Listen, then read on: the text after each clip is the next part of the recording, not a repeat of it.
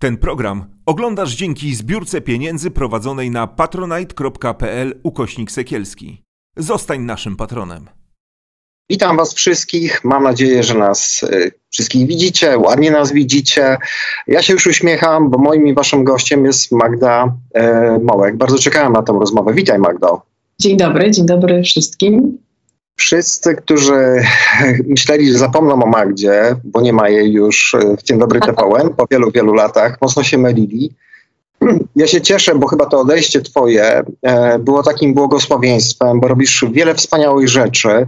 E, nie mówię tego po to, żeby było Ci miło, ale bardzo Ci chciałem za to podziękować, bo to jest nie tylko podcast w moim stylu, nie tylko topowy podcast e, rozważna i erotyczna, no wyprzedziły cię kryminały, ale y, was wyprzedziły kryminały, bo to jesteś współautorką tego podcastu przecież, e, aż. E, no ale też to, co robisz e, w tym swoim trzecim projekcie, z pokolenia na pokolenie, w którym pokazujesz z jednej strony taką e, synergię młodych, starszych, że, że możemy dziś e, się znaleźć, zrozumieć, że musimy przede wszystkim ze sobą rozmawiać, żebyśmy się nawzajem e, usłyszeli ale chyba takim wspólnym kluczem tego wszystkiego, co robisz, i chyba to jest taka jakaś twoja niespokojna dusza, to jest z jednej strony brak zgody na to, co zostanę, a z drugiej strony mówienie głośno, słuchajcie mnie, no można inaczej. No wiesz, nie byłabym sobą, gdybym siedziała na podłodze i nie wiem, co tam można robić na podłodze i po prostu e, udawała, że e, świat... Cinać kupony na przykład. E, więc to nie ja, e, ale w istocie, wiesz, no, odejście z mediów tradycyjnych e, daje po prostu nieprawdopodobne drugie życie i ja tego doświadczam.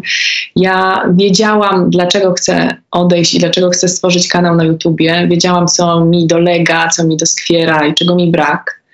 I przecież nie jestem pierwsza, jestem pewna, że nie jestem ostatnia, która to zrobiła, czy też ostatni, jeśli mowa o mężczyznach.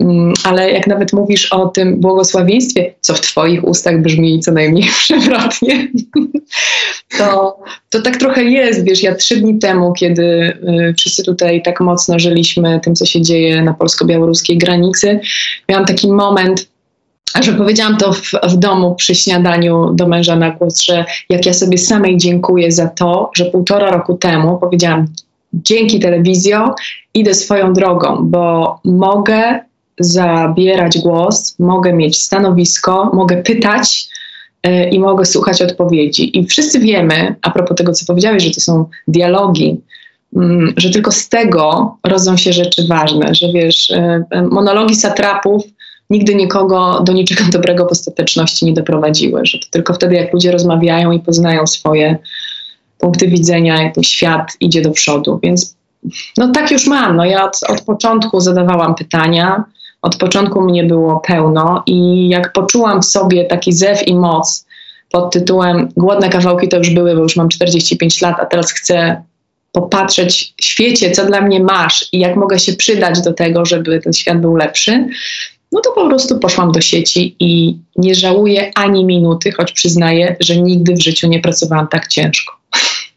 Wracając do tego dialogu, to mój mistrz, mistrz, ale też przyjaciel Stanisław Obirek, no jakżeby inne, mówił mi o pewnych założeniach takiej rozmowy, że siadamy do stołu, e, ty masz swoje poglądy, ja mam swoje poglądy, ale nie zakładamy, że mm, one się zmienią, że potrafimy siebie tak. słuchać, a ty, y, z tego co wiem, y, mam nadzieję, że nie będziesz miała pretensje, że o tym powiem, no dyskutujesz z hejterami nawet swoimi, zapraszasz ich do prywatnych rozmów. Ależ Jak tak, ja jestem inicjatorką, to ja do nich piszę, halo, halo, drogi tam i tam coś tam, albo droga. Ale powiedz mi teraz, jakie intencje stoją za tym, co piszesz. Z tym sobie wchodzimy w konwersację i ona bywa różna. Nie o to chodzi, że się przekonujemy do swoich stanowisk, ale znajdujemy takie punkty styczne, na które ja zawsze bardzo czekam. Y, I to też mi daje niesamowitą wiedzę, wiesz, o takim ludzkim wnętrzu. Nie jestem żadną specjalistką od ludzkich emocji, ale mam taką duży cudzysłów misję, żeby te emocje wreszcie wylazły na wierzch, żebyśmy sobie dali do nich prawo, o nich mówili i nawet jeśli one nas czasem ponoszą, to super, to nic nie szkodzi. To jest ważne. Ja myślę sobie też, że jest e, tak, skoro powiedziałeś o swoim wieku, więc ja też zdradzę, chociaż to pewnie aż e, z jakąś wielką zdradą. Mam 47 lat e, że łapię się czasem na tym, że jesteśmy trochę jak nastolatkowie, z tego względu, że no, wychował nas PRL jednak e, i pamiętamy, czego nie pamiętają e, moja córka, twój syn, e, tych szklanych butelek z mlekiem, tych wielkich chlebów, e, kolejek, tego, że nic nie było, co się wydaje zupełnie absurdalne, ale tak przecież było. Kochani, tak było rzeczywiście.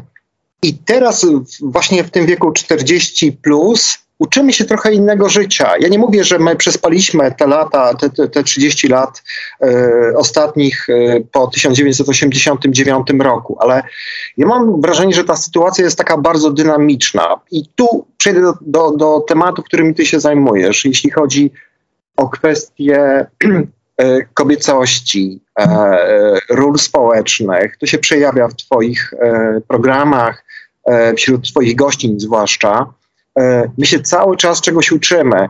I nie wiem, czy ty się na tym łapiesz, bo, bo powinniśmy być już tacy mądrzy przecież. Coś tam już przeżyliśmy. Mówi się, że właśnie to jest najlepszy wiek w wymiarze zawodowym, no bo e, zjedliśmy sobie zęby, uczyliśmy się, doszliśmy do czegoś, a tu się okazuje, że my się uczymy czego innego, to znaczy innej formuły e, życia, duchowości, e, szukamy jakiegoś rozwoju.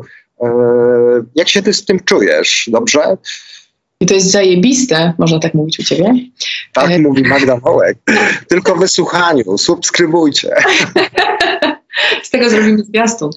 Ale słuchaj, no nareszcie, to znaczy, wiesz, no, pff, że zacytuję klasyka, uczę się wszędzie, w samochodzie, w samolocie. Może to nie jest idealny przykład, ale, ale ta, tak w istocie jest. No, Słuchaj, to jest wspaniałe. Mm. Kiedyś zapytałam moją mamę, mamo, dlaczego wychowałaś nas tak, a nie inaczej? W pewnym momencie chyba większość z nas, osób rozwijających się, szukających, świadomych, ma taki moment, dobra, spytam w domu, bo coś w tym domu to tam mi tam, wiesz, nie pasowało. I moja mama e, po kolejnej jakiejś takiej naszej dyskusji o tym, co i jak, powiedziała mi e, stanowczo, ale z takim rodzajem chyba jednak żalu, widzisz, gdybym tak jak ty teraz miała dostęp do tej wiedzy, do tych wszystkich podręczników, zrobiłabym wszystko, żeby zrobić to lepiej, a zrobiłam tak, jak umiałam. I ja myślę właśnie, że ponieważ my jesteśmy pierwszym pokoleniem, które ma dostęp do tego wszystkiego, e, po tym pokoleniu naszych rodziców e, wymieniłeś komunę, które nie miało dostępu do niczego, to wreszcie jest ten moment, żebyśmy my wzięli odpowiedzialność za wszystko, a nie czekali, aż ktoś to zrobi za nas. Ja uważam, że to jest, y, że to jest y, istotne, że tyle osób takich jak ty i ja, takich, które już, jak ja to mówię, głodne kawałki już ich, już ich je ich nie interesują, y, żeby zabierało głos, żeby mówiło wprost o co chodzi. To jest też taka trochę moja też, takie trochę moje też zadanie dziennikarskie, ale myślę bardziej człowiecze, żeby dać, dać wszystkim taką odwagę do powiedzenia, czego ja tak naprawdę chcę. I zdecydowanie bliższy jest mi humanizm niż wszelkie sztywne pozy, schematy e, religii czy ideologii. Po prostu dla mnie spojrzenie na siebie i w głąb siebie i zobaczenie, co tam jest i czy to można czymś podbudować, czy już na tym, co tam jest, można zbudować, jest po prostu filozofią życia. I tak staram się żyć. Nie mówię nikomu, jak ma żyć, ale staram się tą paletę możliwości pokazać, bo to jest, wiesz, też mój zawód. No, po co jest dziennikarstwo? No? Po co to wszystko jest? Dla kogo to jest? Oczywiście, że dla mnie, bo ja się też czuję sama ubogacona i jeszcze bardziej rozwinięta po każdej swojej rozmowie, ale tak naprawdę to jest nasze zadanie, żebyśmy zadawali pytania i szukali odpowiedzi. No to po prostu to robię. Tym bardziej, że ciągle mamy taki background jednak e, właśnie kolektywny, jednolity, to znaczy jedna religia, e, Tak. jedna jakaś popra- jedna poprawność, jedna rola kobiety, jedna rola mężczyzny, e, temu wypada, temu to nie wypada. Sporo by można było na ten temat mówić. Chciałem się ciebie spytać o, o wiele rzeczy w zasadzie i tak przychodzi mi na myśl, bo powiedziałaś już trochę o tej granicy.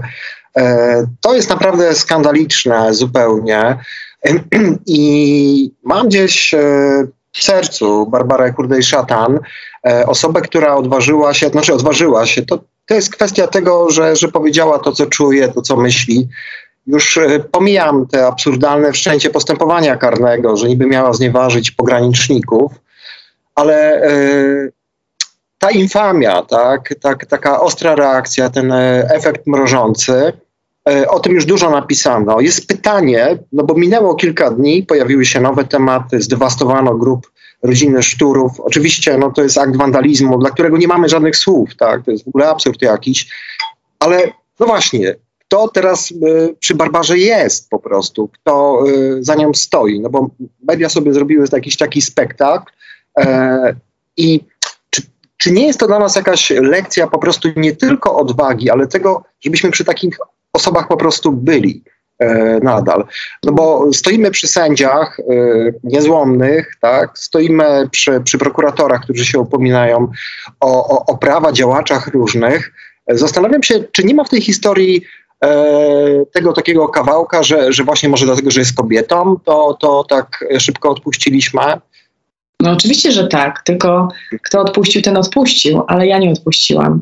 I kiedy przeczytałam ten wpis Basi, obejrzałam film, do którego ona się odniosła. Ja po prostu obejrzałam, to jest za dużo powiedziane. Znaczy ja teraz nawet jak ci o tym mówię, to y, czuję Ja dyskomfort czuję to samo. w ciele ja wiem, jest ogromny, bo tego się nie da obejrzeć.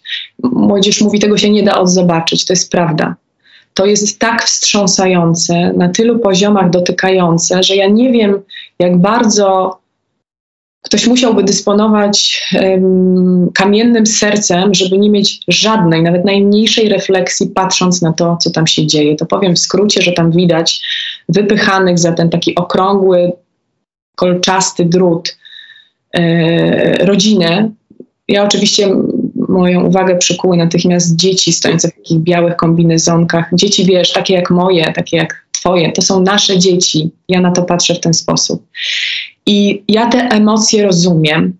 Ja za takimi emocjami stoję. I ponieważ tak bardzo bliskie jest mi hasło z zeszłego roku, nigdy nie będziesz szła sama, to po prostu zadzwoniłam do Baśki i mówię, Basia, zapraszam cię do rozmowy. Chodź, opowiedz o co chodzi, dlaczego, spokojnie.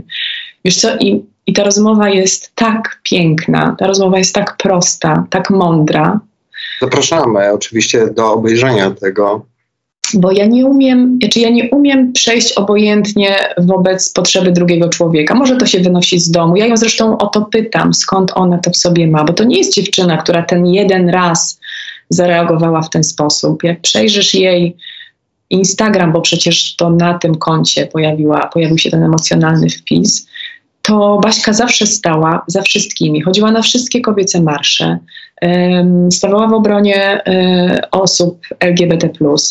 E, Unia Europejska, nawet politycznie gdzieś w wybory się angażowała, ona zawsze tam była, a jednocześnie, uwaga, była e, sztandarową, flagową gwiazdą TVP.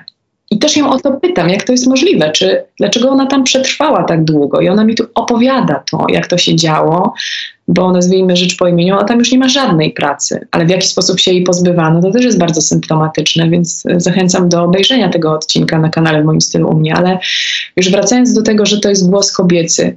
Tak, to jest głos kobiety, która miała czelność wyrazić go w ten sposób.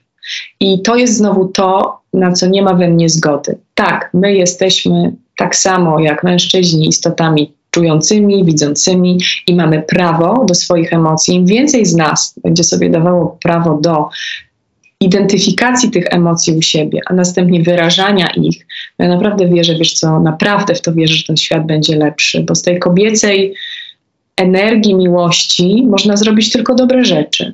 A Baśka w istocie, ja to w pewnym momencie zobaczyłam, została sama i realizowałyśmy tę rozmowę, ja zaczęłam czytać takie hasztagi, bo wspomniałeś tutaj historię Macieja Sztura i jego rodziny. To jest po prostu, na to nie ma słów, ale zobaczyłam takie Barbarzyństwo. Tak. murem za szturem, wiesz, a ja zobaczyłam, okej, ale kto stanął za tą dziewczyną? Poza pojedynczymi głosami, które Właśnie. wyraziły, wy- wyraziły y, wspólnotę, y, solidarność, to tak naprawdę nie ma żadnego ruchu murem za Baśką. Mm, To pojedynczy ludzie gdzieś, wiesz, komentując y, wpisy mm, choćby Pauliny Młynarskiej, która przecież tyle wspaniałego dla kobiet w Polsce robi. Robi to z oddali, ale robi to z tak bliskiego serca i kocham ją za to.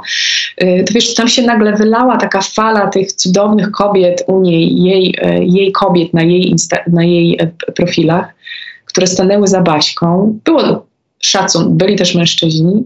No i ja sobie pomyślałam, okej, to jest ten moment, w którym ja chcę dać jej prawo głosu. Niech ona mówi.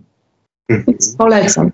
Myślę sobie, że to jest też zbudowane, taka postawa, mam na myśli niedopuszczaniu kobiet, y, taka nieumiejętność, jakiś, jakiś taki lęk przed, przed udzieleniem tego wsparcia, o którym ty mówisz, y, właśnie ufundowany jest chyba na takim, na, na takim e, lęku, że, że, że, że, że kobiety nas zdominują. Ja to obserwuję w świecie politycznym, wiesz, no, lewicowa duża partia wybiera e, przewodniczących, E, No i kto zostaje, no to, no to wiemy, to już pozostawiam ocenie. To samo się działo w, w jednej z partii liberalnych dużych. E, Zastanawiam się, na ile to mówienie e, w mediach przez polityków, e, ja pomijam e, PiS, bo oni tam się nie kryją z tym, jakie mają poglądy po prostu. Natomiast nie jest takie poprawne, a, a nie, nie jest e, właśnie, nie, nie wynika z przekonania takiego wewnętrznego. Myślę, że to może być też ten e, jakiś taki problem, z którym się borykamy. Ciekawi mnie też to, na ile jest tak, bo to był taki temat w twojej rozmowie z Małgorzatą Rozenek, na ile kobiety po prostu sobie e, czasem też nie szkodzą z jakiejś zazdrości, że ja też bym może chciała e, no, pokazać, upodmiotowić się, mówić o, o, o prawach, o, o sprawach ważnych, ale po prostu tego nie potrafię i hejtuję, albo czasem jestem e, nieprzyjemna, lekceważąca wobec osoby, która o tym mówi. Nie wiem, czy to czujesz, ale to, to też się pojawiło. Wiesz, no czuję to bardzo, no bo też wystawiam się na replikę, ponieważ zabieram głos, no to natychmiast czytam na przykład takie sformułowania, że mi nie wypada, że nie powinnam, że y, czy to się godzi. A ja mam alergię na takie sformułowania, wiesz, bo ja byłam karmiona takimi sformułowaniami i pokolenia kobiet przede mną przez stulecia, dokładnie tymi samymi, że nic nam nie, ostatecznie nie wolno nam niczego. Pamiętasz Kononowicza? Nie będzie niczego. No i teraz mamy taką właśnie sytuację, że kobiecie nie wolno nic, że, że kobieta na przykład w przestrzeni publicznej rozpoznawalna gwiazda ma być, jak to napisała Paulina Młynarska, jak przecierana zupka strawna dla wszystkich, że kobieta, która po prostu nabierze, wiesz, od, oddechu w płuca i ryknie i, i pójdzie, mm, i pójdzie y, na marsz y, strajku kobiet i będzie krzyczała wypierdalać, jest natychmiast po prostu y, wsadzana do ciemnej nory i przez kobiety, i przez mężczyzn. Ale ponieważ ja mam takiego fisia na punkcie bronienia kobiet, które, które rozumiem, dlaczego tak mówią, i nawet takie hasło powstało na y, określenie tej grupy kobiet, która jakby idzie za tym patriarchalnym trybem życia, że to są strażniczki patriarchatu. To brzmi w ogóle, widzisz, jak to brzmi agresywnie, tak więziennie, tak, tak, to, jest, to, jest, to jest po prostu zamknięte. I ja, ja na jakimś poziomie te kobiety rozumiem, ale ja bym też chciała do nich dotrzeć i się z nimi skonfrontować i zapytać, skąd w nich przekonanie, że mogą pouczać drugą kobietę, że mogą ją, mm, mm, mogą próbować po, pozbawiać ją jej poczucia sprawczości, głosu, odwagi. Że na przykład, nie wiem, sobie wrzucam post na Instagramie o książce Lisy Tadeo Zwierzę i mówię, o czym ta książka jest. Opisuję, że jest to książka właśnie o tym, jak ten patriarchat płynie w naszej kobiecej krwi. Czy to, o, dzięki, czy sobie wiesz, czy chcemy Tam tego, czy jest. nie. Y, Czy, czy potrafimy to zidentyfikować, czy nie. I opisuję tą całą historię, wiesz, jak, jakie to ważne, żebyśmy to dostrzegły. I teraz e, poza zalewem wspaniałych informacji, cudownie, Pani Magdo, dzięki za recenzję, kupię sobie, są takie. A co to za okulary ma Pani na nosie? Te okulary Panią postarzają, te okulary, wygląda Pani w nich do dupy i gdzie Pani je kupiła, a po co Pani je kupiła i w ogóle o książce fajnie, ale te, ja mam świadomość, kto to pisze. Bo wiesz, ponieważ ja ci kiedyś powiedziałam w prywatnej rozmowie, że moje poczucie własnej wartości jest na Maleje. wysokości 8 tysięcy metrów, to ja umiem z tym żyć. Znaczy, no, dla mnie to w ogóle nie jest meritum, ale jeśli ta sama kobieta mówi te deprecjonujące słowa albo pozwala sobie na takie uwagi wobec innej, to ta, ta inna, nie mająca tego, co mam ja, może sobie z tym nie poradzić. I ja jestem bardzo, bardzo żywą zwolenniczką mojego własnego hasła. Nie podstawiaj drugiej kobiecie nogi, podaj jej rękę i zobacz, dokąd możecie razem pójść. I to już jest w Polsce widać. To Natalia de Barbaro mówi o tym, że psycholożka, psychoterapeutka, osoba, która wiesz, na wielu poziomach rozumie ten kobiecy język, autorka książki Czuła Przewodniczka. Natalia Tak, oczywiście, tak. mi to właśnie powiedziała, że to jest też trochę tak, że my jesteśmy tak nauczone, tego wytrzymam, jeszcze zacisnę zęby, jeszcze przejdę. No wiesz, ale jak masz w sobie taką, ten rodzaj takiego nie dam się, to nie dasz drugiej kobiecie. No jej To, nie, było, to była Królowa Śniegu, to ten typ? Nie, tam są trzy typy opisane. Tak, tak, tak. Każdy jest inny, ale ta królowa śniegu może tutaj też, tak, może odpowiadać właśnie tej, no może to trochę to już, bo ta królowa śniegu taka niedostępna, wyniosła, e, ale jak czytałam tę książkę, to byłam się w stanie zidentyfikować z każdą z trzech e, form kobiecości, jaką Natalia tam opisuje, bo każdą z nich byłam. Więc być może dopiero jak przejdziesz ten proces rozumienia, ile tego w tobie jest, to jak to odpuścisz, to zobaczysz to samo w drugiej kobiecie i ją zrozumiesz. Więc ponieważ ja już jestem na tym etapie, to mnie się nie da zagonić do kąta i powiedzieć mi, że mi się nie wypada, a, a jest jeszcze drugi mój odruch, hej dziewczyno, chodź, porozmawiaj ze mną. To było jak z tym słowem cipka, wiesz, jak zaczęłyśmy podcast Rozważna i Erotyczna, pierwszy, pierwszy odcinek zrobiłyśmy właśnie o języku, o tym, jak strasznie nam odebrano język, więc jeśli odbiera ci się narzędzie komunikacji w postaci języka, cała reszta leży. Przecież to jest oczywiste, nie trzeba być nie wiem kim, żeby to zobaczyć. Tak, brakuje nam takiej swobody w rozmawianiu o seksie, w, w nazywaniu swoich potrzeb. yy, No ale, jak masz to, no ale jak masz to nazywać, Artur? Jak ty nie potrafisz, dobra, ty nie, to ciebie nie dotyczy. Jak ja jako kobieta nie potrafię powiedzieć cipka. I teraz słuchaj, z tą cipką wiąże się tysiące anegdot, bo okazuje się, że to nie jest żadne obraźliwe słowo. Możemy go używać, funkcjonuje w języku polskim, określa konkrety, a pozwala się kobietom wyzwolić. Ja sobie robiłam takie prywatne testy potem w różnych gronach kobiet, na przykład świetnie znanych, i one tak, no gdzie ja mam to powiedzieć? Jak mam? Słuchaj, jeśli nie potrafisz teraz, ja chodź ze mną, powiedz, ja ci pomogę. No nie, no nie, no wiesz, taki, taki, taka klasyczna reakcja wyparcia, przecież tak nie wolno, nie? że już ona się łamie, bo już by może sobie pozwoliła, ale nie zrobi tego, bo przecież nie wolno było tego robić, ale uświadamia sobie, że niby dlaczego tego nie wolno było robić. I to jest proces. I we wszystkim tak jest. Więc my, kobiety, jesteśmy jak takie kropki na mapie zdarzeń. Jak te kropki, czyli to nasze myślenie, połączą się w ten wzór kobiecości XXI wieku, to będziemy mieli wtedy wzór tej ewolucji, bo ja też jestem przeciwniczką rewolucji. Rewolucja zżera własne dzieci, a ja nie chcę podkładać swojego karku i będę broniła każdego karku mojej siostry, żeby też tego nie robiła. Pomyślałem sobie teraz, że mężczyźni też y, stoją przed takim dużym wyzwaniem, żeby mówić o swoich emocjach, nazywać je. Często jesteśmy niezrozumiani, dlatego że z jednej strony sami y, wchodzimy w taką rolę ludzi, którzy są niezłomni, nie chcą sobie czasami y, popłakać, wkurwić się, powiedzieć mam wszystkiego dość po prostu. Źle mi jest, wstaję rano, nie dam rady, martwię się, czy, czy, czy, czy będziemy mieli środki, perspektywy e, i tak dalej. A to też jest takie wyzwalające. Zobacz, e, bo mówimy chyba o tym samym, o, o, o pewnej komunikacji ze sobą i o wyrzucaniu tego na zewnątrz i potrafi to być wyzwalające, nawet w tej rozmowie, e, kiedy o tym mówimy.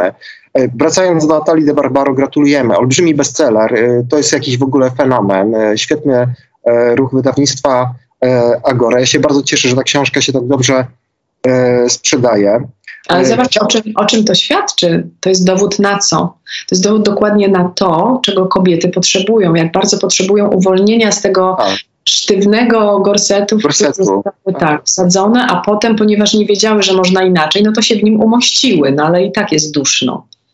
No, wiesz co, to tak sobie pomyślałem trochę, że, że, że to jest właśnie to, ten taki kolektywny model funkcjonowania. Tak ci powinno, tak to powinno wyglądać, tego się od ciebie wymaga. e, to jest okej, to, to nie jest okej, a gówno prawda, coś nas siedzi innego, trochę jesteśmy wariatami, e, trochę też jest tak, że współczujemy tam, gdzie inni odwracają e, wzrok od e, pewnych e, mm, zjawisk, których jesteśmy świadkami.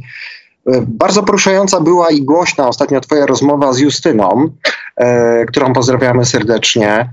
E, I to było ciekawe, bo Justyna weszła w rolę dziennikarki i zaczęła Ciebie przepytywać. E, mówiłaś, Magdo, o, o, o swoim rozbracie z kościoła. Ja jestem teraz w trakcie, wracam sobie czasami do dzienników Gombrowicza, on dość wcześnie wyszedł z kościoła. E, I u Ciebie to też w zasadzie to byłaś w wieku 18 lat, z tego co zrozumiałem z tej rozmowy. Ale to był chyba proces, bo przypomnę, opowiadałaś o zdarzeniu, kiedy zmarł twój tato, poszłaś z mamą, chcieliście załatwić formalności w kancelarii parafialnej e, i no, taki bezduszny typ w sutannie no, poddał wątpliwość, że skoro tato zmarł tak młodo, to, to być może popełnił tak samobójstwo. Tak, wiesz, ja myślę, że to były te czasy, nie wiem jak jest dzisiaj, ponieważ nie jestem w strukturach y, tej instytucji, więc nie wiem, czy dzisiaj wciąż wiernych się pyta o to, ale kiedyś zdaje się nie można było y, dokonać pochówku osoby, która odebrała sobie życie. Kościół katolicki miał przecież taką filozofię jakiś czas temu. Mm, mój tato miał 44 lata, był wspaniałym, mądrym, cudownym i szalenie wierzącym człowiekiem. Bardzo. E, Ja ci mówiłam, że to był taki mój role model, ta, model, ta jego uczciwość do bólu, szczerość, prawda. To jest po prostu, no ja mam to, moja mama się śmieje, że jestem Józek do kwadratu, że ja po prostu mam te cechy jeszcze spotęgowane.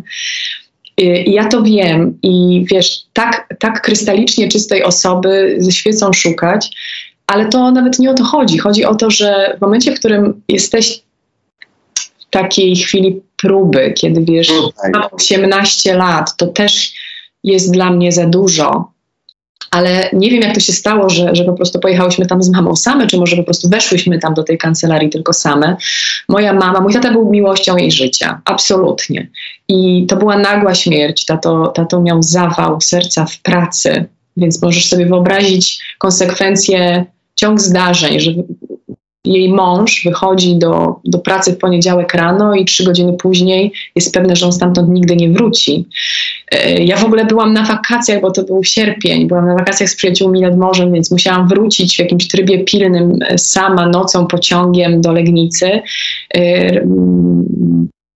Rodzice mojej przyjaciółki mm, mnie odbierali z tego pociągu, a ja całą noc myślałam o tym, czy powiedzieli mi prawdę, czy nieprawdę, czy on naprawdę żyje i tylko miał zawał, jest w szpitalu, czy on już nie żyje, bo tak mi podpowiadało moje serce. Więc wiesz, jak to wszystko się na nas zwaliło i poszłyśmy załatwić ten pogrzeb, i w tym ogromie nieszczęścia usłyszałyśmy jeszcze coś takiego. Ja nie wiem w ogóle, czy moja mama to, to moja mama to pamięta, ale myślę, że na długo to wyparła. Ale ja wtedy poczułam taki rodzaj, wiesz, to nawet nie był, czy to było wkurwienie, nie wiem. Wiesz, my byliśmy w, w takiej rozpaczy, że to nie jest emocja, która wtedy człowiekowi towarzyszy, tylko takie moje bezdenne co? Ale dlaczego? Tym bardziej, że okazuje się, że mój tato, e, ponieważ był budowlańcem, w tej parafii e, własnymi rękami po godzinach budował salki katechetyczne dla nas, dla dzieci z pobliskiej szkoły podstawowej. Mój tato to robił. I wiesz, i to jest taki moment, w którym myślisz sobie, no okej. Mhm. Bo tak jak powiedziałam w rozmowie z Justyną Kopińską, pomyślałam wtedy, po co mi taka wspólnota? Po co mi miejsce, w którym dokłada mi się cierpienia? Ponieważ no właśnie, cierpienie to jest też ciekawy temat, nie? Ale, yy, ale to był już przesyt, bo to nie było tak, że to była ta jednorazowa akcja, ja byłam człowiekiem słabej wiary. No właśnie, bo mm, mm, przepraszam, że ci przerwę. Tak na marginesie mój tato też zmarł. Jak ja miałem dwa lata, też był budowlańcem. E, także jestem w stanie sobie wyobrazić, jakie to jest trudne w tym danym momencie. A z drugiej strony, no taka, wiesz co, powiedzieć bezduszność, e, to jest niesamowite, że tych ludzi, którzy mają do czynienia no, z innymi ludźmi, nikt nie uczy jakiejś relacyjności, jakiejś powagi chwili pewnej, e, ale tym mm, e, wiem i chciałbym, żebyś o tym powiedziała, że e, to gdzieś w tobie dojrzewało, bo gdzieś obserwowałaś, co się dzieje w przestrzeni kościoła. To pewnie nie były jeszcze czasy, kiedy mówiono o, o, o pedofilii, tak jak się teraz mówi. Mogłabyś powiedzieć o tym więcej słów, jak ty to Wiesz, nie chciałam też, myśla, pomyślałam wtedy w rozmowie z Justyną, że to nie jest miejsce, żebym ja opowiadała o sobie, ale w istocie ona jest reporterką, dziennikarką, więc zadała mi to pytanie, ja na nie po prostu uczciwie odpowiedziałam. Ale potem musiałam odpowiadać na komentarze osób oglądających, że właśnie jestem osobą małej wiary, bo ta jedna mała według nich rzecz nie, nie powinna była przesądzić o, y, i, i, i doprowadzić do takiej decyzji. Ale wiesz, ja jestem dzieckiem, które jeszcze faktycznie w tych wybudowanych przez mojego tatkę y, salkach katechetycznych miało katechezę, choć miało katechezę to duże słowo, zaraz do tego wrócę, ale y, na przykład pod koniec szkoły podstawowej puszczono nam tam również film Niemy Krzyk. I ja to pamiętam. Ja to pamiętam, bo ja wróciłam do domu, opowiedziałam rodzicom i wiesz, no pamięć jest zawodna, ale wydaje mi się, że widziałam tylko konsternację do kwadratu, bo przecież e, chyba nawet wtedy, nie wiem, czy rodzice o tym rozmawiali, czy mieli świadomość istnienia w ogóle czegoś takiego, więc mnie, dziecku z podstawówki, teraz uwaga, ten ksiądz włączył ten magnetowid, bo to były te słynne takie tak, tak, VHS-y, VHS-y, włączył i powiedział, wrócę tam, nie wiem ile ten film trwał, pół godziny, wrócę, ile? I wrócił, my to wszystko obejrzeliśmy. Bez słowa wstępu, wyjaśnienia, niczego. Wrócił, powiedział, e, szczęść Boże, dzisiaj to tyle. Rozumiesz? I co ma zrobić człowiek? Ja wiesz, myślisz, że ja tam wiele rozumiałam? Niewiele z tego rozumiałam. Po prostu czułam to chyba bardziej sercem, co, co, co mi przed chwilą pokazano i po co. I z tymi pytaniami wróciłam do domu. A w moim domu, no wiesz, jaką może dać odpowiedź na tak ciężkie rzeczy rodzic, który sam został zaskoczony tym faktem. Więc to są, że są takie na przykład właśnie drobiazgi typu, pamiętam tych księży, którzy, kiedy odbywała się jeszcze religia poza szkołą, raczyli nam rzucać klucz i mówić, że po 45 minut, bo ja tam pogrzeb jadę odprawić, to wy sobie posiedźcie, a klucz zostawcie w salce w drzwiach. Nie? Więc to naprawdę nie było tych lekcji religii. Więc mm, widzisz, no to są, to są te wszystkie takie poziomy w stylu y, nauczanie, obecność na, na, y, na tych mszach świętych, na których kazanie było. Ja, prób, ja próbowałam, Artur, próbowałam. próbowałam rozumieć, siedzieć, myśleć, co ja słyszę, czy co z tego mam. I za każdym razem miałam takie dojmujące poczucie rozczarowania. Nie wiem, być może byłam nad wyraz intelektualnie już rozwiniętym smarkaczem, smarkulą i po prostu mi to nie odpowiadało.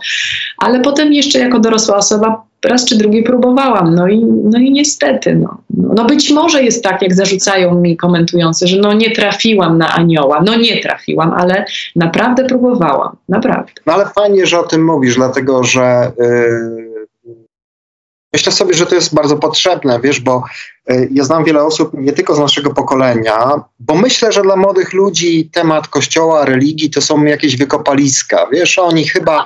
Tak, no daj spokój ogóle wiesz, boomersi, boomersi się przypieli do tematu. To jest... Tak, a wiesz, że ja, mi córka ostatnio y, tłumaczy slang młodzieży i powiedziała mi, ty to tato jesteś taki boomer. Witaj w klubie. Roz, rozjaśniła mi, rozjaśniła mi. No ale no, pociesza mnie to, że ci tak, też tak syn mówi, tak? E, do czego zmierzam? Zmierzam do tego, że w tym naszym pokoleniu jednak jest tak, że to wdrukowywanie e, to chyba jest ten kawałek historii straszenia diabłem, piekłem, wiecznym potępieniem, nie? E, takim umartwianiem się, taką skromnością, tak, nie? E, jest trudne właśnie to wyjście z tej kruchty i, i myślę, że takie powiem świadectwo. Twój drugi raz dzisiaj. Świadectwo. No widzisz, jak mi wydrukowali e, świadectwo Ale twojej to jest ważne, poczekaj, bo zobacz, to warstwa języka. Mi po filmie z Justyną Kopińską zwrócono uwagę, że użyłam sformułowania wobec osoby nieżyjącej świętej pamięci. To pani Magdo, to po co, dlaczego pani tego używa, skoro pani nie wierzy? I tu ząg. I to prawda, to jest tak głęboko we mnie, to sobie możemy uświadomić, ile rzeczy jest dużo głębiej i ile ważniejszych, prawda? Tak, wiesz, ja ostatnio się zastanawiam dużo nad tym, bo ten temat chyba nie jest ruszony. E, na temat martyrologii, e, to, że błogosławieństwem jest to, że cierpimy, e, że to jest w ogóle jakieś szczęście, że to jest w ogóle jakieś takie zajebiste, że jesteśmy jacyś przez to wybrani. I zakładam, że obydwaj, obydwoje powiemy gówno prawda, to, to nie jest żadne, żadne szczęście, ale to jest tak wplecione w, w to nasze myślenie, że często jak e, wspominamy naszych, e, nie lubię tego słowa bohaterów narodowych, bo dla mnie narodowy to jest taki wiesz siermierzny, seriożny, e, to, to mm, nie widzimy jego dokonań, tylko to, co on przecierpiał, tak? Po prostu, gdzie on tam nie był torturowany, upokarzany e, i tak dalej. Czy ty nie masz wrażenia, że e, e, w zasadzie nie mamy jakichś takich ludzi, który, przy okazji których jubileuszy, wspomnień, my się możemy autentycznie cieszyć. No, cieszyć. mamy. Chciałem, patrz, znowu chciałem powiedzieć, radować się z nim. Czy czwarty raz. I to też jest kawałek tej historii, też o kobiecie, o tym jej modelu, takiej usłużnej e, Maryjki po prostu, która gdzieś tam się krząta wokół tego swojego króla, e, który gdzieś tam wraca i nawet jak popełnia błędy, to nie zwróci mu e, uwagi na to. E, to jest szalenie trudny gorset, który ciężko rozerwać. I to pisze o tym Natalia też e, w czułej przewodniczce. E, to chyba jest też kawałek historii, o których mówimy w swoich podcastach. Ja słucham tych tematów, które ty e, poruszasz e, i ciągle mimo wszystko mam takie wrażenie, że e, osobom z naszego pokolenia trudno znaleźć tę alternatywę i powiedzieć sobie nie, a gówno mi obchodzi, a ja tak nie chcę żyć po prostu. Ja chcę się cieszyć, jak chcecie cierpieć, to cierpcie, ale od cierpcie się ode mnie. Nie? A wiesz co, i tu chyba dobrym przykładem, maleńkim, ale będzie, osoba Małgosi Rozenek-Majna, bo przytaczałeś jej e, przykład rozmowy z nią. Ona tam coś takiego właśnie powiedziała. Ja pamiętam, jak powiedziałam moim przyjaciółkom feministkom, że będę rozmawiała z gośką, to było takie, co? Chyba żartujesz, wiesz, zagotowały się. A ja wiem, czekajcie, dajcie mi szansę. Ja chcę usłyszeć, co tam naprawdę w tej dziewczynie jest. Bo ona ma, wiesz, swoje niebo i piekło, zwolenniczki, tak. przeciwniczki, wiadomo. I Gośka wtedy... To w Polsce, zero-jedynkowo, albo tak kochasz, albo nienawidzisz. Ale nienawidzisz, tak. To z nami, ten przeciwko nam. No po prostu jak ja tego nie potrafię zrozumieć. I ona tam użyła takiego sformułowania, dlaczego ja mam ciągle przepraszać za to, że mi się chce. I to jest dla mnie y, dokładnie to, o co chodzi, bo są ludzie wśród nas, którym energii, poweru, takiego wiesz, przekonania, że są super i robią dobrze i naprawdę robią wielkie rzeczy, nie brakuje takich ludzi. I my ciągle tych ludzi ściągamy w dół. Więc jak bardzo mamy wdrukowane to przekonanie, że mamy równać do najniższego, że jak to ta słynna anegdota z tym kotłem w piekle, który oczywiście, w które oczywiście nie wierzymy, ale to jest anegdota, i tam oni w tej tej smole i jak ktoś chce tylko, wiesz, już widzi nadzieję, że może się wydostać, natychmiast z powrotem do tej smoły solidarnie przez tych, co niżej wciągamy. A ona ma siłę, jej się chce i ona mówi, ja już mam tego dosyć, ja naprawdę taka jestem. I to jest właśnie to. Ty mnie pytasz, czy my mamy pozytywnych bohaterów. Ja nie wiem, no. No, no, no, nie mamy, no bo jeden umarł na suchoty, wiesz, drugi zmarł w nędzy. To było takie, takie gloryfikowanie właśnie takiej beznadziei. Wiesz, przez lata nam pokazywano te wzorce tych smutnych panów na pomnikach, którzy prowadzili, wiesz, na rzeź jakieś tysiące ludzi i oni tam stoją, siedzą na tych koniach i my tak, wiesz, już się do tego przyzwyczailiśmy, nikt nie zadaje pytań. To wszystko jest takie, a jeśli chodzi o kobiety, to jest właśnie ten wzór, który już wymieniłeś, tej, tej bądźcie cisi, tej, tej mm, Marii Panny, która zaszła w ciążę i tu każdy sobie wstawi swoją odpowiedź. I potem. Uważać, żeby wiesz, tak nie zejść. Ale, ale, zobacz, ale zobacz, jakby dostała opiekuna, tak? Dostała tego Józefa, który ją ogarnął, ale po prostu miała być cicho i, i, porodzić syna. I nic więcej. I ona właściwie jest taka, właściwie nic o niej nie wiemy, poza tym, że urodziła, a potem, że płakała pod, y, pod krzyżem. Nic nie wiemy o tej kobiecie. I to jest ten archetyp, do którego wciska się nas wszystkie. No bo skoro nic nie wiemy, nic, na, wiesz, to jest jak ta małpka w tych emotikonach. Nie słyszę, nie widzę, nie mówię. Tego się po prostu w tej religii od kobiet wymaga. To, co wy piszecie y, z moim wspaniałym, no twoim, ale już tak czuję więź z Stanisławem Obirkiem w Gomorze, o tym właśnie, jak traktowane są zakonnice. Sami stawiacie e, du, duży wykrzyknik w mówieniu, że jeśli kobiety wejdą do posługi w kościele, to ten kościół się zmieni. Dlaczego nas tam nie ma? Dlaczego nas tam nikt nie wpuści? Dlaczego jesteśmy gorsze? O co w tym wszystkim chodzi? Czy wiesz co, przy, mm, przypomina mi się taki obrazek, wiesz, y, jest taka siostra Mary Kane, y, to jest Amerykanka. Y, Wojtyła przyjechał w 79 roku do USA Mhm. i ona, ona y, przy takim jednak dużym aplauzie sióstr zakonnych powiedziała, że e, e, domagają się te kobiety, e, bo nie ma żadnych e, przeszkód ku temu, teologicznych, e, równych praw kobiet w kościele. Nie? Ja pamiętam ten wyraz twarzy u, u, e, u Karola Wojtyły, no, który no, przyzwyczaił się, że wszyscy go tam na rękach noszą, biją mu brawo. E, takiej, wiesz, e, takiej niecierpliwości. A na końcu ona podeszła do niego i powiedziała: Witam pana, podała mu rękę e, i, i jakoś sobie z nią przez chwilę e, porozm- porozmawiała. Wiesz, to, to jest tak, że ostatnio przy okazji stuleci Wandy Półtaskiej, właśnie ze Stasiem Obirkiem, napisaliśmy taki tekst na temat e, no, tej patologicznej teologii ciała, tak? Tego. E, ograniczania się, o, do tego, żeby ten seks ograniczał się do pro, prokreacji, do tych absurdalnych, e, bo to jest grzech, tak, według, według nauczania Kościoła, odrzucenia wszelkich e, sztucznych środków antykoncepcyjnych, prezerwatyw, które zamordowały miliony ludzi e, w Afryce. Masturbacja jest grzechem. No wiesz, o czym my mówimy po prostu, nie?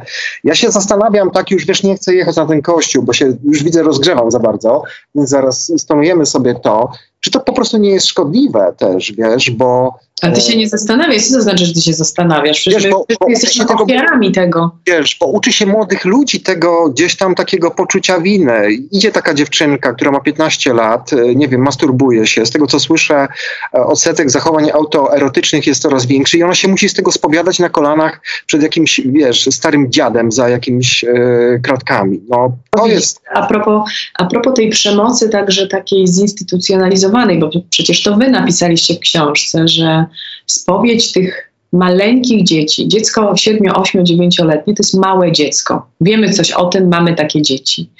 e, Została ustanowiona w kościele na początku XX wieku. Przecież tego nigdy wcześniej nie było. Że to jest nowość tak naprawdę. Żeby ja pamiętam też tę swoją spowiedź, słuchaj, to moje prze- przerażenie, bo ja tam szłam, bo tam trzeba było raz na miesiąc iść. Ja po prostu, wiesz, starałam się, wiedziałam, że muszę coś wymyślić, bo ja nie mam nic do dodania, no bo tak jakoś byłam taka pewna, że przecież ja nic nie zrobiłam. Zresztą ja byłam normalnym dzieckiem, można się było ze mną dogadać. Ja jakieś wymyślałam pierdoły, wiesz, żeby mieć cokolwiek do powiedzenia. Ale y, znowu, a propos moich y, kontaktów y, z kościołem, to pamiętam ten moment, kiedy pod koniec ósmej klasy pojechaliśmy mm, na wycieczkę autokarową do Częstochowy. My klasy ósme. No i tam, y, y, y, że wiesz, mieliśmy się pomodlić o y, szczęśliwe zdanie egzaminów y, na, do Tak. szkół średnich, tak, bo wtedy były jeszcze egzaminy. I słuchaj, ja pamiętam, y, pamiętam tylko tyle z tej spowiedzi, że tam, wiesz, jakaś strasznie długa kolejka i tylko tak kątem oka rzuciłam, że siedzi tam jakiś starszy pan w, w takim jasnym, kremowym habicie, y, ale może ja mylę, bo może miał inny habit, bo tam pewnie są brązowe, tak? Paulini, są biały habit, dobrze mówisz. Mały, dobrze zapamiętałam. No i słuchaj, ja zaczynam, zaczynam tą formułkę, to była jakaś formułka, już, już mój twardy dysk ją skasował, nie pamiętam. I, I on mi przerywa i mówi do mnie tak, całowałaś się z, chłopakiem, z chłopakami, czy się nie całowałaś? Słuchaj, a mi po prostu, wiesz, szczęka opadła, bo ja taka, ja byłam bardzo wierząca, wiesz, ja biegałam do, do, do kościoła na te roraty, na te, uwielbiałam na różańce, uwielbiałam w podstawówce. No, no bo ja, wiesz, to, to była jakaś, tak, ten rodzaj takiej wspólnoty, myśmy tam chodziły, wiesz, byłyśmy, mnie, mnie po prostu... I Nic innego w zasadzie nie było, no bo był ten kościół. No były dyskoteki, no nazwijmy rzecz po imieniu, wiesz. Dodajmy Bogu co boskie, a to może się... No i, i wiesz, ja taka po prostu, ja byłam zszokowana, no bo mogłam się spodziewać, nie wiem, wszystkiego, że jestem, no, ale nie tego pytania. I, I teraz uwaga, jakie było moje myślenie wtedy? Wyobraź sobie, że ja miałam rodzaj poczucia winy, że jak on mnie o to pyta, to znaczy, że to się już w tym wieku robi, a ja jestem dopiero w ósmej klasie, ja tego nie robiłam. I poczułam się gorsza, gorsza, że ja tego nie robię. I odpowiedziałam zgodnie z prawdą, że nie, ale potem zaczęłam klepać swoje formułki i nagle usłyszałam takie tak wiesz, zatkało mnie. Czekaj, co się stało? On zasnął po prostu. Słuchaj, a propos tych, tej siermiężności naszych bohaterów narodowych, to ja w ogóle wiesz, gdzie debiut z Gomorą miałem, jeśli chodzi o ten objazd, właśnie w Częstochowie, przed, przed kanonizacją e, kardynała Wyszyńskiego. Lala, E, nie. I wiesz, poszliśmy tam sobie zobaczyć, jak to wygląda. I powiem ci, ty mówiłeś o tych dumnych pomnikach, tych naszych bohaterów. Mm. E, zobaczyłem jego pomnik człowieka cierpiącego, jakby go wszystkie zęby bolały, wiesz, generalnie. Nie chodzi mi o to, żeby się tam nabijać z, z tego człowieka, który, który stworzył ten pomnik. On zdaje się niedawno zmarł w ogóle, nie? Mhm. ale mm, to jest jakaś taka apoteoza z jednej strony cierpienia, a z drugiej strony jakiejś takiej też brzydoty jakieś, wiesz, mam takie wrażenie. Nie chodzi mi tylko o pomniki, wiesz, ale e, tak się zastanawiam, e, bo wiesz, ja z dumą patrzę na Amerykanów, znaczy z dumą, zazdrością, z jaką oni nabożnością chodzą się ze swoją flagą, jak oni radośnie potrafią święcić e, święto Konstytucji, e, deklaracji, które przyniosły im pewne określone wolności. Tam, tam to jest zabawa, jak ja patrzę na marsze Iranczyków, tak, jak oni Tak, cieszą się z okazji e, Dnia Świętego Patryka, a u nas zbierają się smutni panowie pod tymi pomnikami, wyskakuje Andrzej Duda i opowiada, ile ktoś tam nie przecierpiał, ilu Polaków nie wymordowano. Wiesz to, tak wracam do tego Gombrowicza, my ciągle jakimiś trupami żyjemy, po prostu śmierdzącymi już takimi po prostu kompletnie trumnami, wiesz, to, to jest przerażające.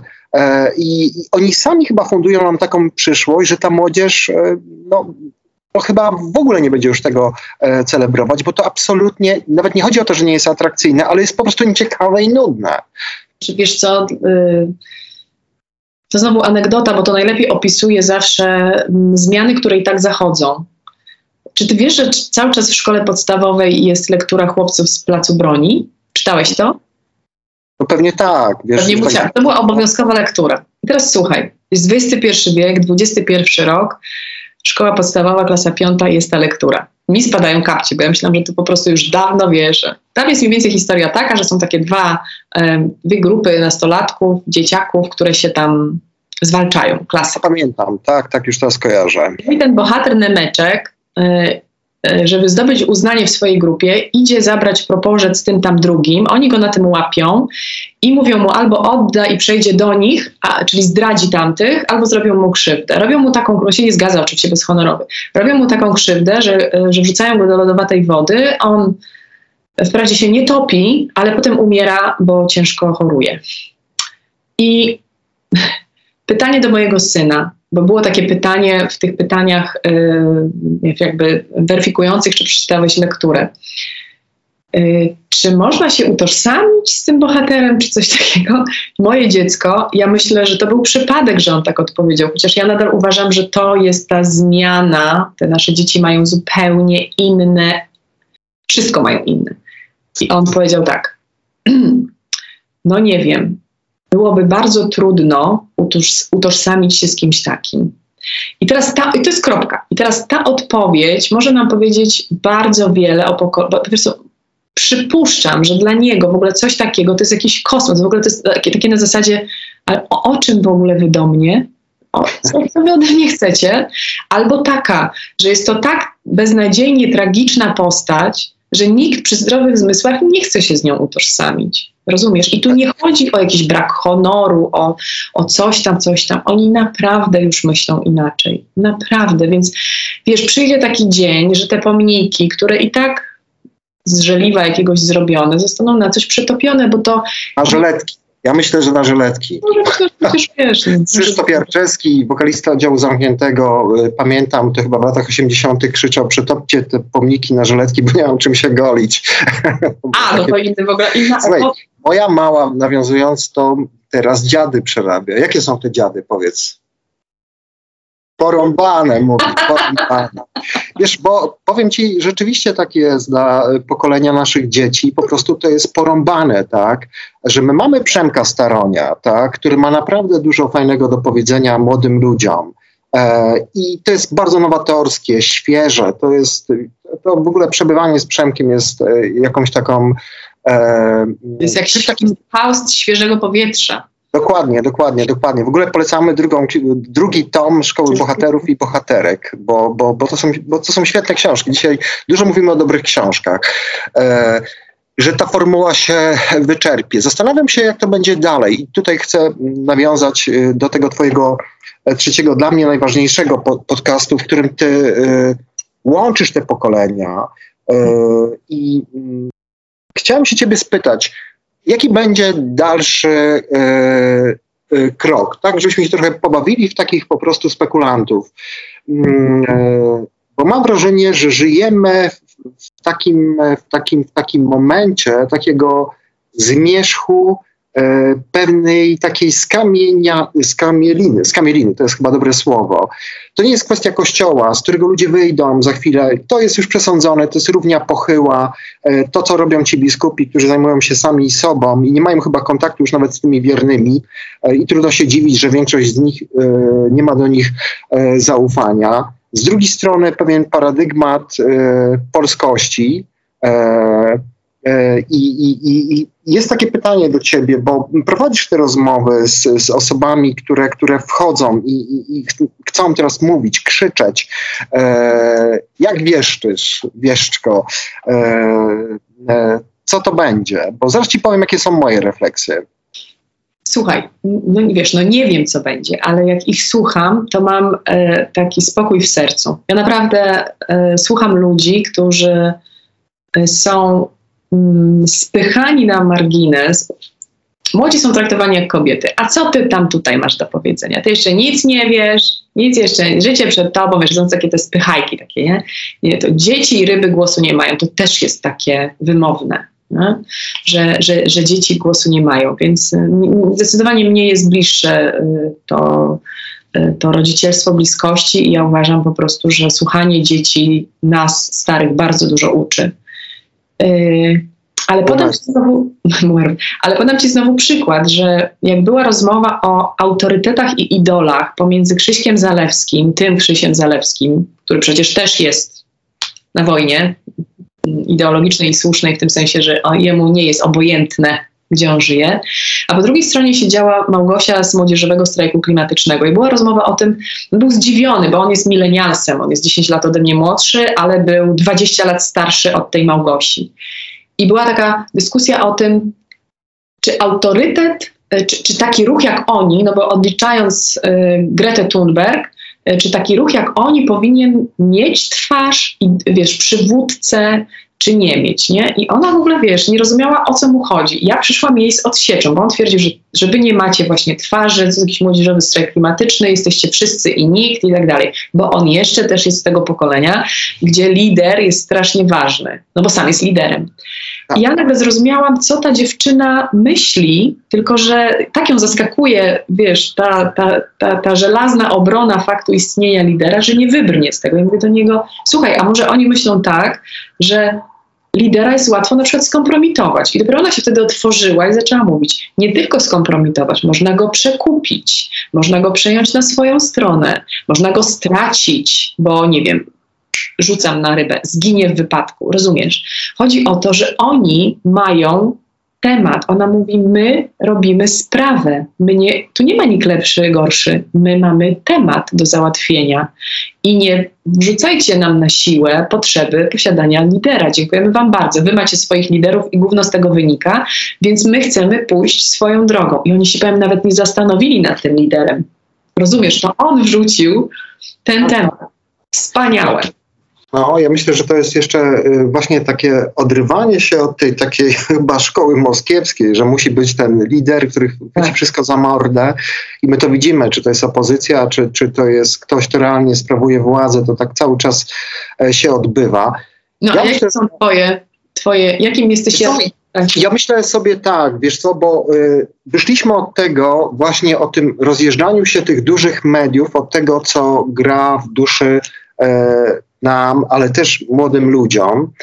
I ja myślę sobie, że my, znaczy ja akurat ciebie i mnie za to nie winię, ale sobie ciężko pracujemy na to, żeby to pokolenie młodsze zrobiło jednak y, z nami e, pewien e, e, porządek. Bo wiesz, bo okazuje się, że to, co dla nich jest pierwszoplanowym tematem, Mhm. e, czego kompletnie nie dostrzegamy. Znaczy, ja nie mówię o tobie, o mnie, ale ja mówię o takiej przestrzeni publicznej, rozmów i tak dalej. No to jest kwestia odpowiedzialności pewnej, związanej z ekologią. Tak? E, słuchaj, oni, oni mówią, no, mamy alternatywę, albo zaraz, za chwilę się będziemy dusić, tak? albo po prostu pójdziemy w, w alternatywne źródła energii. E, wiesz, to są ludzie, którzy spotykają się z górnikami na ten temat, e, rozmawiają. A ja pogląd mam taki po prostu, że będzie zupełnie jakiś e, nowy format e, i to nie będzie ewolucyjny format, tylko e, rewolucyjny jednak. Dlatego, że jeżeli 30-40-latkowie, którzy są w mediach, w dużych redakcjach po prostu, no wchodzą w te poprawne buty. Wiesz, jak ci adwokaci, którzy zdają egzamin adwokacki i kupują sobie, kurwa, te meble gdańskie toporne, e, wiesz, zakładają e, kaszkiety i, i takie wielkie skórzane e, po prostu torby. E, no, wiesz o czym mówię. Chodzi mi o to, że to się kompletnie jakoś e, e, rozjeżdża.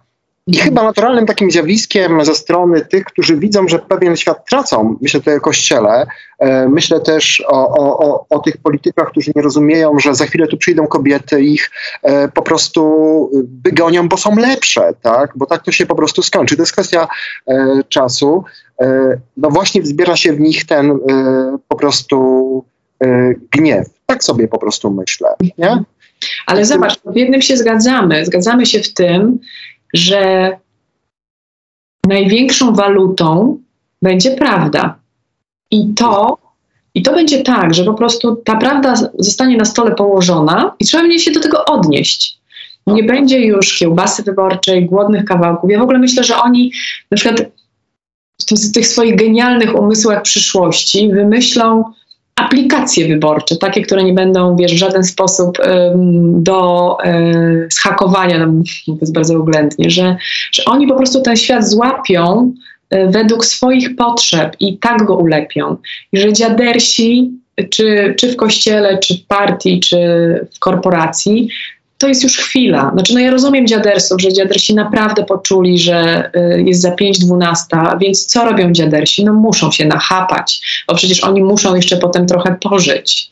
Ja tak bym porównywała trochę ten moment do tego momentu, wiesz, y, y, 89 roku, kiedy kiedy wreszcie Solidarność postawiła warunki i, i dziadersi po prostu, wiesz, się skichali, no to oni jednak odłożyli już na te dacze i wille, i mieli, ale musieli jeszcze sobie dołożyć, wiesz, załatwić sobie te emeryturki y, po czasy, no bo wiedzieli, że mają tylko 40 lat, a tak naprawdę w systemie, który nadchodzi, są dziadersami, po prostu nikim i będą za chwilę nieważni. I to jest to, no i czy to dotyczy. Myślę, że my, kobiety, idziemy dokładnie w tym samym pochodzie, w którym idzie młodzież. Zresztą wiesz, tak kobiet to pokazał. Słuchaj, ja szłam, ja chodziłam po ulicach z młodymi ludźmi. Ja mam asystentkę, która ma 23 lata. Słuchaj, kocham e, żywy umysł tej dziewczyny i jej przyjaciół. To, co oni tam na tym marszu mi mówili, ja tam płakałam, ja byłam, ja byłam po prostu zaryczana na tym marszu, bo ja cały czas ich pytałam, jakiej chcecie Polski. I tam nikt nie mówił pierdół. Tam były tak ważne rzeczy. Oni chcieli policji, z którą będą się czuć bezpiecznie, edukacji, która pozwoli im się czuć bezpiecznie i lekarzy, którzy pozwolą im się czuć bezpiecznie. Ona mówi, jak to dostaniemy, to sobie resztę załatwimy. I ja po prostu szłam, tam mnie niosło, bo szliśmy w sprawie kobiet, ale tak naprawdę szliśmy w sprawie świata. I ci ludzie to wiedzą. W dupie mają te religie, nie chodzą. Chodzą, bo im starzy każą chodzić, bo bo muszą na komunię, bo muszą do bierzmowania, bo muszą tam coś tam, pod... a potem mają to gdzieś. Naprawdę. Wiesz, dlaczego biorą ślub kościelny? Bo chcą mieć białe sukienki. Tam nic, tak w większości, bo ja nie mówię, ja wierzę bardzo w to, że są ludzie obdarzeni łaską wiary, którym fakt, że ją mają, daje poczucie sprawczości na jakimś poziomie. Jest im po prostu łatwiej żyć bez cierpienia. Ja, humanistka, zwracam się do siebie. I ja tak żyję, ale rozumiem, że ktoś potrzebuje odbicia w absolucie, żeby poczuć moc. No to, to, jest, to jest już, bym powiedziała, bardzo typowe dla jednostki. Natomiast nie martwiłabym się o młodzież. Wiesz, słuchaj, zawsze pokolenia, te my, stare, zawsze mają coś takiego, och Boże, oni sobie nie poradzą, oni są beznadziejni. O nas też tak nasi rodzice Aha. mówili. A o naszych Tak rodzicach myślę. że- Ja tak myślę, że tak obydwoje niemyśliwe. Ja myślę, że wygra ten, który będzie mm, starał się zrozumieć i, i, i będzie słuchał, tak? Ten wygra nas z całą pewnością. E, bo to, co mówisz, e, to, to wiesz, trudno powiedzieć, że to jest prorocze, to jest dla mnie normalne. No, no, ty- tych wszystkich, wiesz, chłopców z placu broni, tych e, Mickiewiczów po prostu trzeba e, pogonić. Zresztą ja pamiętam, polecam twój, twoją rozmowę na temat edukacji, że zdaje się ile tam, 3% czy 2% wynosimy z tej szkoły. Już nie pamiętam, mogę się pomylić tylko jeden. Ja, ja nie wiem, jak dokładnie to w liczbach, ale jeśli dziennie wystarczyłoby, żeby półtorej godziny dziennie zamiast ośmiu lekcji nasze dzieci i są w stanie przyswoić przez półtorej godziny cały materiał z danego dnia, no to zobaczmy skalę przemocy. Ja teraz na przykład przeżywam skalę przemocy pod tytułem trzeba codziennie wstawać o 7 rano, żeby na 8 do szkoły zdążyć. Już mnie to dotyka, bo jak strasznie nas to też ten schemat wpędza, jak my rodzice jesteśmy też temu poddani, jak bardzo to wszystko musi funkcjonować według, ja nie mówię, że ten system rozwalać, ale przecież są te badania naukowe mówiące o tym, że te dzieciaki do godziny 10 chodzą po prostu jak wiesz, jak, jak dzikie mole, bo one w ogóle, one śpią, no, więc robienie klasówki z matmy o godzinie 8 jest po prostu zbrodnią, krótko mówiąc, bo to nikomu się do niczego nie przysługuje. Słuchaj, słyszałem, że już w ogóle są takie pomysły w niektórych szkołach, że dziecko ma tylko przerwę, żeby skorzystać z toalety, nie może poprosić y, w trakcie lekcji, żeby wyjść. To są absolutnie wyjątkowe przypadki. To są e, rzeczywiście zachowania takie, gdzie pytanie, gdzie są rodzice w tym wszystkim. No ale wiesz, no, no i tu wracamy znowu do tego, że nikt nie wystąpi przeciwko systemowi, nikt nie stanie w obronie Basi Kurdej Szatan, bo to oznacza jakąś stratę czegoś w czymś. Nikt nie sprzeciwi się szkole, no bo się boi, bo ostatecznie myśli sobie, dobrze, no dobra, to jakoś przepękamy, jakoś to potem będzie. Nie byle tam zdało, byle przeszło, by nie było już tych kłopotów. Chryste Panie, po co ja mam mieć problem z dyrektorem, potem mi coś zrobi dziecku, wyrzuci. Ja te lęki wszystkie rozumiem. Ja to naprawdę rozumiem. Ale tu nie może być rewolucji, wiesz, no to, to znowu wracamy do tego, że podnoszenie, co jest moją wielką nadzieją, podnoszenie cały czas tej świadomości pozwoli nam kiedyś wreszcie odetchnąć, bo to wszystko zmierza w kierunku, który to jest dynamika zdarzeń. To się może po prostu w pewnym momencie przelać i nas zaskoczyć. To jest, to jest trochę jak w tej polityce, nie? że ten PiS tak dmie w te narodowe y, tu, tuby i tak bardzo mówi, że to jest takie ważne, żeby stanąć murem za tym mundurem, ale to, to może być moment jakiegoś przegięcia gdzieś, gdzie oni sobie nie zdają sprawy, że może być, i nagle narracja się będzie musiała zmienić, tylko oni już nie będą mieli narracji, bo już wszystko wykorzystali. To jest, to jest dlatego, wiesz, tak jak mówisz o tym, że dzieci będą miały 5 minut na zrobienie siusiu, a według jakiego modelu powstał model szkolnictwa? Kto lub co jest pierwowzorem takiego zbudowania edukacji, które tak wygląda, że są przerwy, że są 45-minutowe nasiadówki, przerwy i wszystko kończy się dzwonkiem. Zakon. Tak, tak, tak, Życie oczywiście. zakonne było pierwowzorem do stworzenia e, systemu edukacji, więc no, Ja myślę, że to jest schyłek jednak zakonów. To pokazują ostatnie badania tych powołań e, zakonnych jest, e, jak jest z powołaniami za, zakonnymi? jest bardzo dobrze, to znaczy bardzo źle dla Kościoła.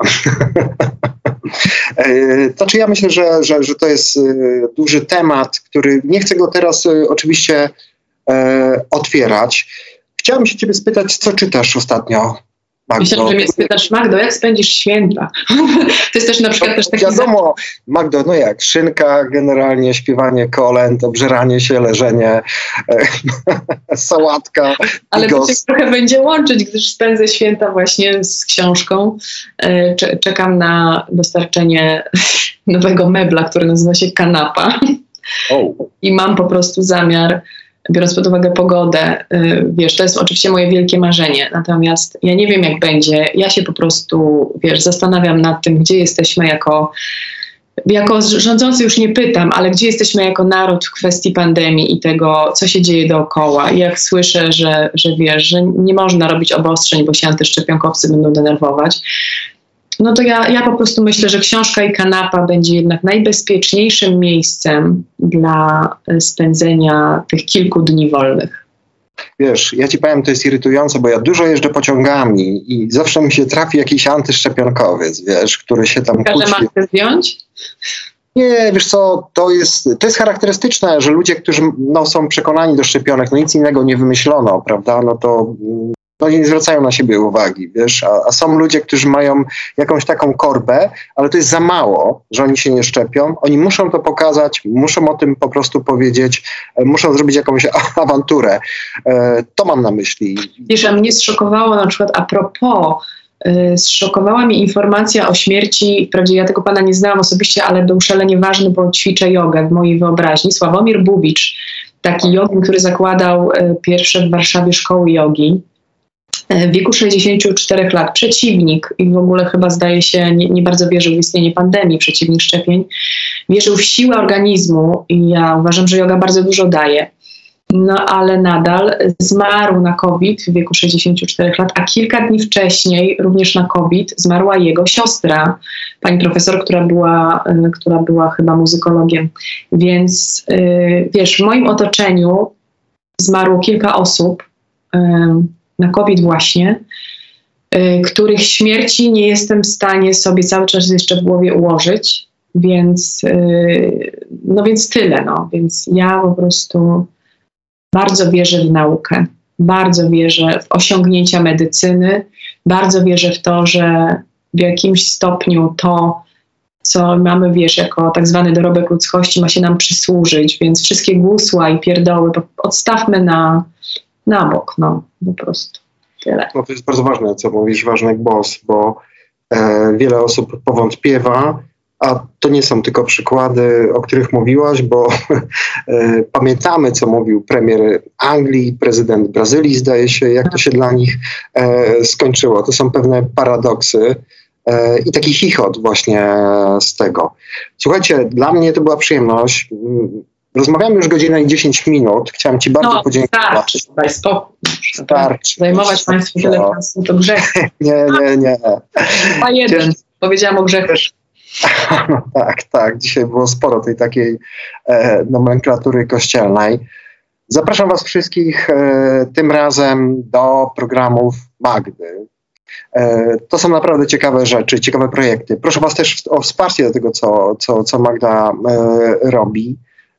Wymieniliśmy dzisiaj sporo książek też. Zachęcamy Was do tego, żeby, żeby, żeby e, je czytać. E, Wspomnę. Tak to wygląda, to jeszcze tylko na koniec, bo to nie jest żadna nowość, ale a propos tego, że nawet takie rzeczy powstają, e, jeśli chodzi o filozofię, do, wiesz, jakby dostęp do kobiecego wnętrza.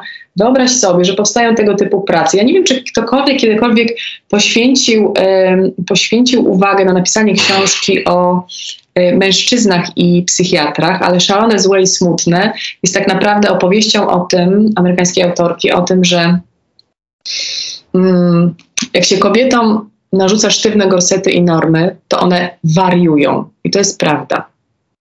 Ale z tego szaleństwa może wynikać bardzo duża siła, która ma moc zmiecenia dokładnie tych, którzy te normy wymyślili.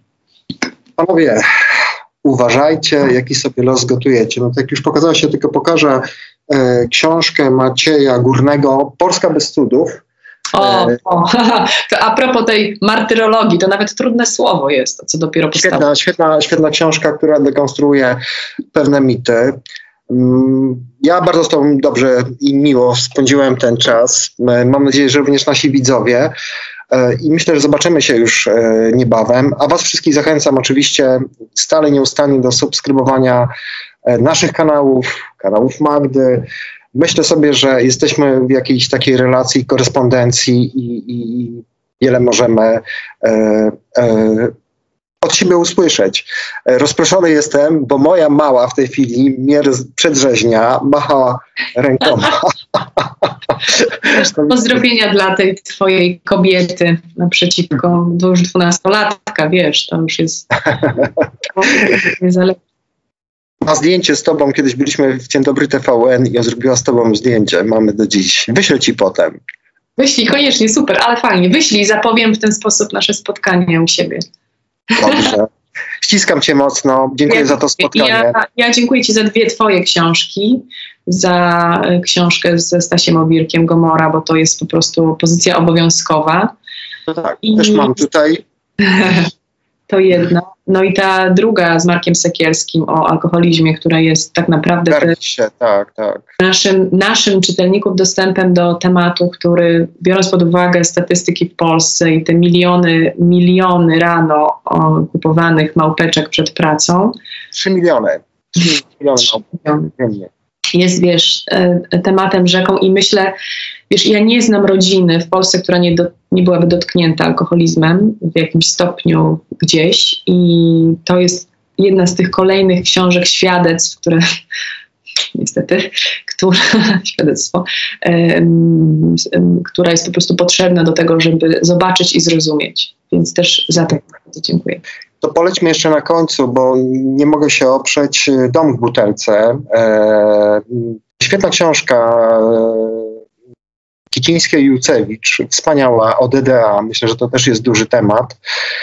Fajnie, cieszę się z tej wspólnoty różnych i takiej synergii różnych pomysłów, e, refleksji, z którymi e, się rozstajemy, ale myślę, że zobaczymy się jeszcze nie raz. Dzięki Ci Magdo. Już kończę, bo znowu Dzięki. nas rozproszy. Dziękuję. Ja jestem gadułą, bardzo przepraszam, do widzenia. Ja też. nie przepraszaj. Świetnie. Dziękuję nawzajem. A. Ten program oglądałeś dzięki zbiórce pieniędzy prowadzonej na patronite.pl ukośnik sekielski. Zostań naszym patronem.